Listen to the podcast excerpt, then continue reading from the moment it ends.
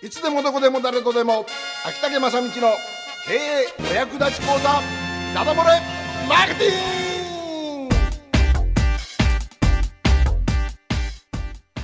さあ時刻の方は6時を回りまして FM 北九のスタジオから生放送でお届けしております関門独立共和国後半戦に突入でございます。お相手はいつものように私タウン情報下関羊年の羊坂井健とそして、えー関門独立共和国初代暫定大統領の文字工のバナナマンです。はい。ということではい。このコーナーも、うん。だいぶ長くなってまいりましたけど何も回目になったのかね。数えてないんですよねそれが。数えてないんで そろそろ本当は終わってんじゃないのっていう話ですけど。でしたっけ、うん。いや十十何回シリーズ？13 11まだ回11回真ん中辺じゃないですかね。いやもうかなり8回ぐらい来てます。でしたっけ？8回 で、はい。ちょっと終わりがそろそろもしかしたらもう終わってるのかもしれないみたいな気になったから、うん。そろそろまとめの方にやっかなきゃいけないのではい。結構今まではボディコピーって言われる 文章、うん。えー本文の方の書き方などをやってみたうんうんうんうん。要するに問題点を提示しましょうとか、はい。解決策を出しましょうとか、ん。えーそれから、えー絞り込みをしましょうとかうんうん。やったんですが、えー今回はですね、えーところで、えーバナナマン肝心なのは抜けてるでしょっていうお。触らなかったキャッチコピーです。はいはいはいはいはい。え ー僕はもうキャッチコピーでほとんどあの読むか読まないか決まるって言われてるぐらいに重要なものではあるんですが、あんまりキャッチコピーから作ることはお勧めしていません。うん。うんで最後に、えーこれはという切れのいいキャッチコピーをつけてもらいたいということで、そのヒントを、はい。もうえー今日の話は全部パクリです。はい。はい。えっ、と「ザ・コピーライティング」という本が神田正則さんの役で出ております。うんうん。ジョン・ケーブルスという、えー方が書いたものですけども、えーここにですね、えーコピーライティングする上でのキャッチコピーの31の形のチェックリストというものが載っております。はいね、これはもうええ。検証に検証を続けた結果反応がいいとうん。言われる、もしかしたら皆さんもいろんな、えー雑誌とか、えーそれから広告、インターネットでもですね結構見かける表現かもしれませんがこれはやっぱりですね、えー反応がいいので、うん。えーそのままご紹介したいと思います。んえー特にフェイスブックとかミクシーとかでですね、えー人に読んでもらいたい記事拡散したい記事の時には、えーちょっと、えーだから普通に書いても読んでもらえ方が多いそうそうですね。たくさんたくさんいろんな方が、うん。あのね上げてきますんで、この辺の工夫をちょっとするだけであんまりいやらしくない程度にちょっと工夫するだけで、えー大きく成果が変わってきますので、えうんうんうん。チェックしておいてください。今日はざーっと紹介しますので実際に、えー手元に置いておきたいおきたい方は「ザ・コピーライティング」という本がありますので、うん。えーそちらをお読みください。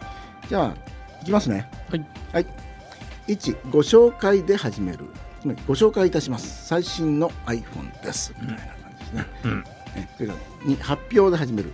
発表します。これが文字工のバナナマンです。みたいな感じですね。ああはいはいはい。はい、それから発表のニュアンスがある場合言葉を使う。例えば「さよなら10年前のエアコン」うんご覧ください。実物実物大のガンダムです、うん。みたいなね。4番目新新しいで始めるですね。新発売果汁ジューシーのハイチュウです。5番。さあ今さあつい、えー今さあついにというような言葉で始める、うんうん。えーさあ20歳を過ぎたあなたにも英語を始めるチャンス、うん。ね、ついにあの番組が帰ってくるとか、えー今夜限りで復活とか。うんうんうんあ6番とうとういよいよで始める、えーとうとう出ました。誰でも簡単に整理ができる片付けの魔法、えー7番、えー見出しに日付や、ね、年を入れる、まあ、数字を入れるっていうのは決めあるんですけども、うん。えー毎月5日は、えー何々スーパーの特売日です。みたいな感じですね。えーそれから、えー見出しをニュースネタニュースネタ風にする8番目ですね。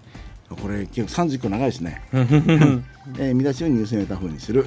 で、えー9番目、えー価格を見出しのメインにする、えー500円で何々みたいですね。10番割引価格をメインにする。11番特価品をメインにする。えーそれから12番支払いの簡単さをメインにする。要するに頭金不要みたいなやつですね。あははなるほどね。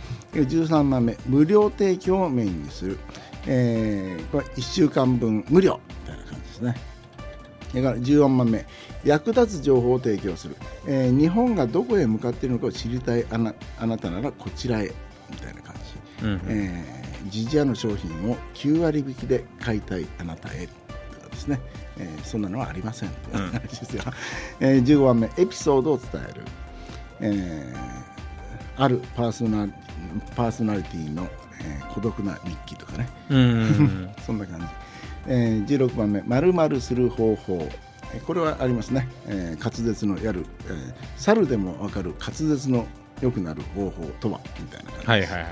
えーさてどうやってこのようにどうしてとする感じ、えーダメ人間の僕はどうやって地獄から脱出したのかという事例が載ってますね。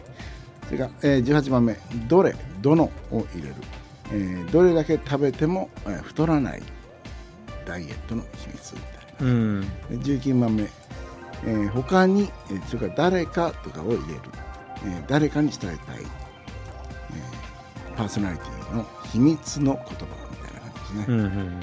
えー20番、えー求むを入れる、えー20求むガンダムファンだけの飲み会開催みたいな感じですよね、えーこ21番。これこので始める、えーこれは革命。これはすごい、えーこれは見事とかですね、えーそういう感じ。22番。理由に何々だからを入れる、えー例えばですね、えードラクエファンだから期待する。あはあはあなるほどね。はあはですね。それから、えーキャッチ23番。キャッチコピーにもし何々なら何々してももし何々してもというようなことを入れる。